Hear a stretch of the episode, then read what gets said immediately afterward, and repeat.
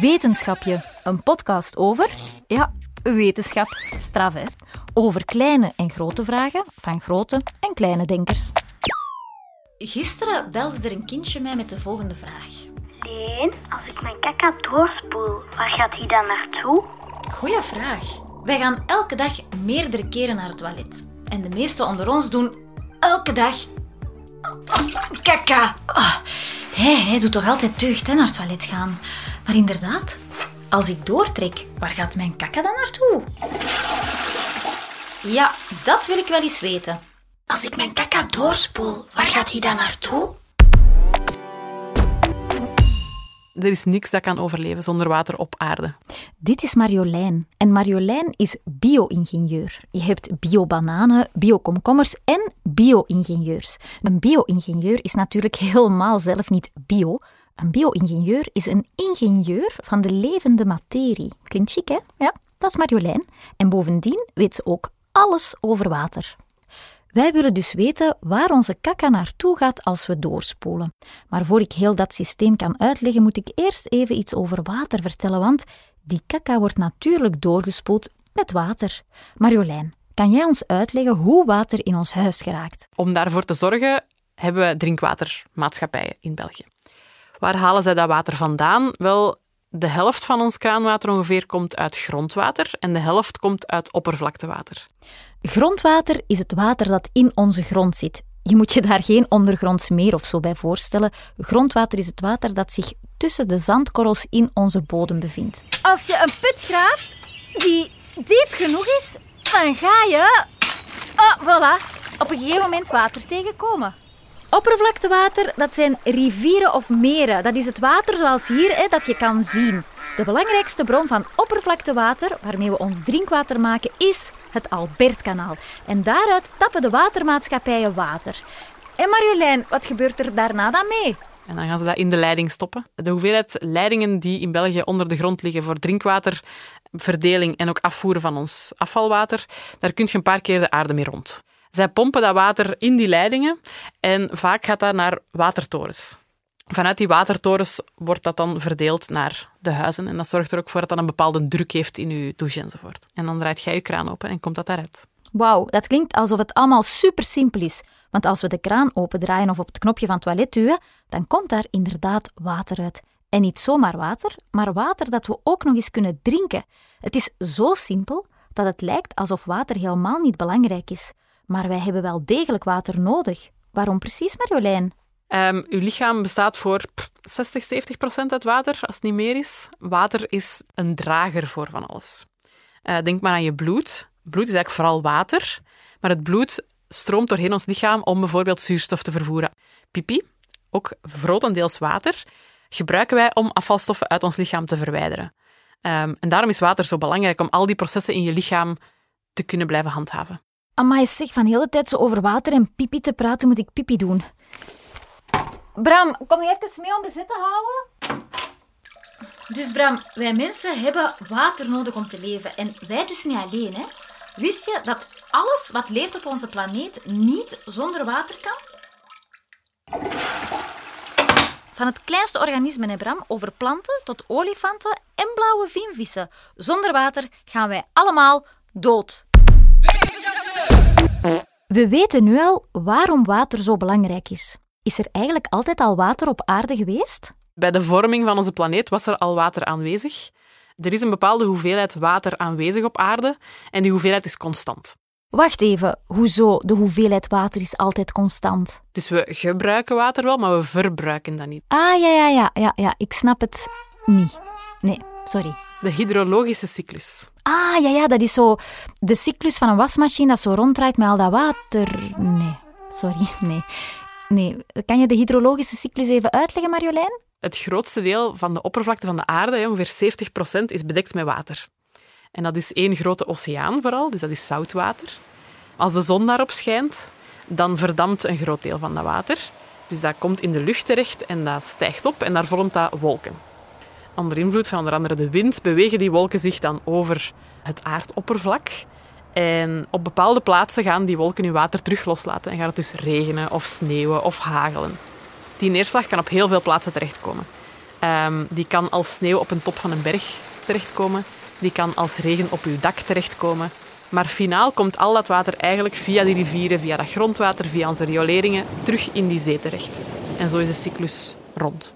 Het water maakt dus een cirkel. Vanuit de zee verdampt het water en vormt het wolken. De wolken bewegen over de aarde en laten het water los als regen, hagel of sneeuw. Via de grond, rioleringen en rivieren komt het water terug in de zee. Ook wij drinken water, maar wij plassen of zweten dat terug uit. De hoeveelheid water op onze planeet is dus altijd evenveel. Maar wacht eens even. Dan drinken wij dus hetzelfde water als bijvoorbeeld. Prozit! Prozit! Julius Caesar. Wauw! Of de pipi van een dinosaurus. Dat is exact hetzelfde water. Hé, hey, Jakkes Marjolein, viezerik.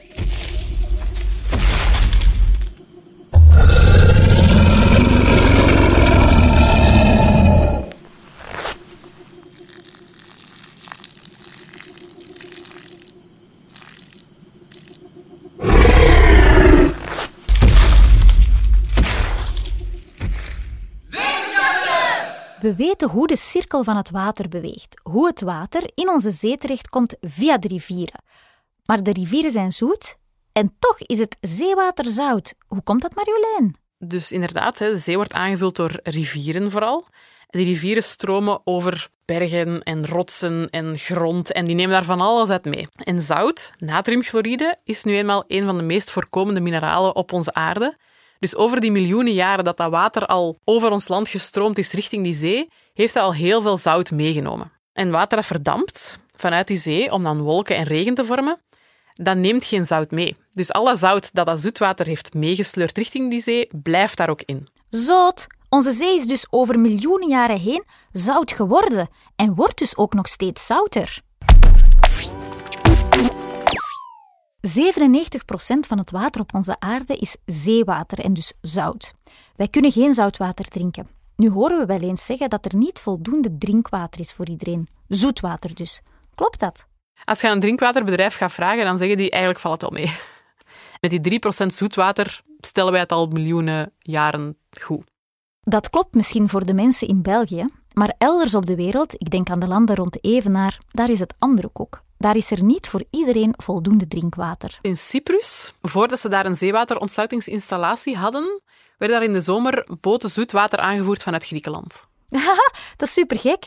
Een boot op een zoute zee gevuld met zoet drinkwater. Mensen gaan dus op zoek naar manieren om aan voldoende drinkwater te raken.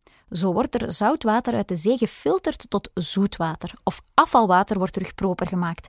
En astronauten in de ruimte die filteren hun eigen pipi om het daarna te kunnen opdrinken. Ja, en de pipi van onze kameraden ook, hè? Eik, ja, dat is juist. Dat vertelde Frank de Winne in de aflevering Kan je van de maan springen uit seizoen 1. We hebben net geleerd dat de hoeveelheid water op onze aarde altijd evenveel blijft en dat de voorraden drinkwater niet overal gelijk zijn. Maar hoe komt het dat er op sommige plekken steeds minder drinkwater voorkomt? Het klimaat warmt op, het wordt warmer. Warme lucht kan meer water vasthouden dan koudere lucht. Dat wil zeggen dat die wolken, die, het verdampte water uit de zee, die wolken kunnen meer water bevatten voor het gaat regenen. Die wolken kunnen dus ook naar andere gebieden bewegen voordat ze die regen loslaten.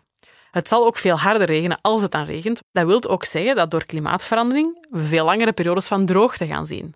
Als het dan regent, veel meer regen ineens, ja, de bodem kan dat niet allemaal zo snel slikken, dus heel veel daarvan gaat opnieuw gewoon afvloeien en verdwijnen uh, tussen aanhalingstekens naar de zee. Op die manier kan het gebeuren dat plekken waar er al weinig drinkwater was, er nog grotere periodes van droogte voorkomen. En op andere plekken valt er dan weer heel veel regen in één keer, wat de bodem niet kan verwerken. In België bijvoorbeeld hebben we ons altijd gewapend tegen wateroverlast. We hebben er in het verleden alles aan gedaan om water zo snel mogelijk te laten afvloeien naar de zee. Maar we hebben ons niet gewapend tegen grote periodes van droogte. En daar zijn we ons nu steeds meer bewust van. Het is belangrijk om het water dat uit de lucht valt op te slaan in onze bodem. Want gek genoeg is ook Vlaanderen een waterschaars gebied. Dat komt omdat we in Vlaanderen meer water gebruiken dan dat er water bij komt. Ook wij kunnen dus beter bewust omspringen met het water dat uit de kraan komt. Bijvoorbeeld onze toiletten aansluiten op regenwater in plaats van drinkwater. Onze auto wassen met regenwater. Doortrekken met de kleine knop op het toilet en de kraan niet laten openstaan als we onze tanden poetsen. Kleine dingen die toch helpen. We weten ondertussen dat water van bij het begin aanwezig was op onze planeet, dat de hoeveelheid water altijd constant blijft en wat de hydrologische cirkel is. We weten ook dat ons kraantjeswater vanuit het Albertkanaal via watertorens en leidingen uit onze kraan komt en dat we er best zuinig mee omspringen. Maar als ik nu kaka doe en ik trek door, waar gaat die kaka dan naartoe? Als ik mijn kaka doorspoel, waar gaat hij dan naartoe? Het water en al uw afval gaat in de riolering terechtkomen. Uh, vanuit die riolering gaat dat richting een afvalwaterzuivering. In Vlaanderen is dat Aquafin, die zorgt voor de zuivering van ons afvalwater. Zij halen daar alles wat schadelijk kan zijn voor onze natuur en ons milieu, halen zij eruit. En dat gezuiverd afvalwater komt dan um, terug in de natuur terecht. Onze kaka gaat dus via de riolering naar Aquafin. Zij halen uit al dat vuil water met een groot rooster takken, bladeren, vochtige doekjes, tampons en alle dingen die niet gezuiverd kunnen worden uit dat water.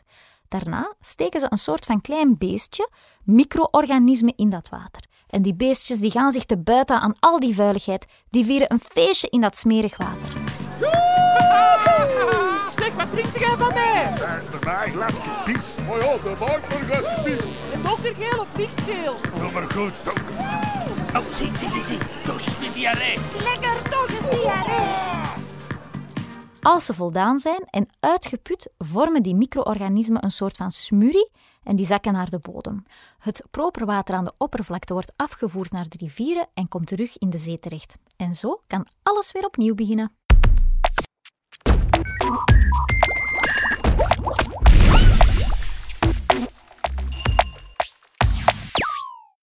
Mocht jij nog een vraag hebben, stel ze gerust aan leen.geluidshuis.be en wie weet maak ik er wel een heel wetenschapje van. Dit was Wetenschapje met de vakkundige kennis van Marjolein van Oppen, met de steun van Aquafin. Wetenschapje is een productie van het Geluidshuis. Klank en muziek Bram Kouwmans, concept en regie Leen Renders en extra hulp achter de schermen van Katarina Martinovski, Anne Smet, Pieter-Jan Vinks, Linde Verlooy, Marijke Gutens, Koen van Deun en Koen Brandt. Heb je genoten van deze aflevering? Geef dan een score of laat een recensie achter. Zo vinden anderen ook de weg naar deze podcast. Op wetenschapje.be vind je meer info en onze andere producties, zoals de heerlijke hoorspelen. Dag wetenschappers, tot snel! Zet maar af, hè, Bram? Bram? Bram! Ha, is sowieso cacao aan het doen. Goh, dan zet ik het zelf af.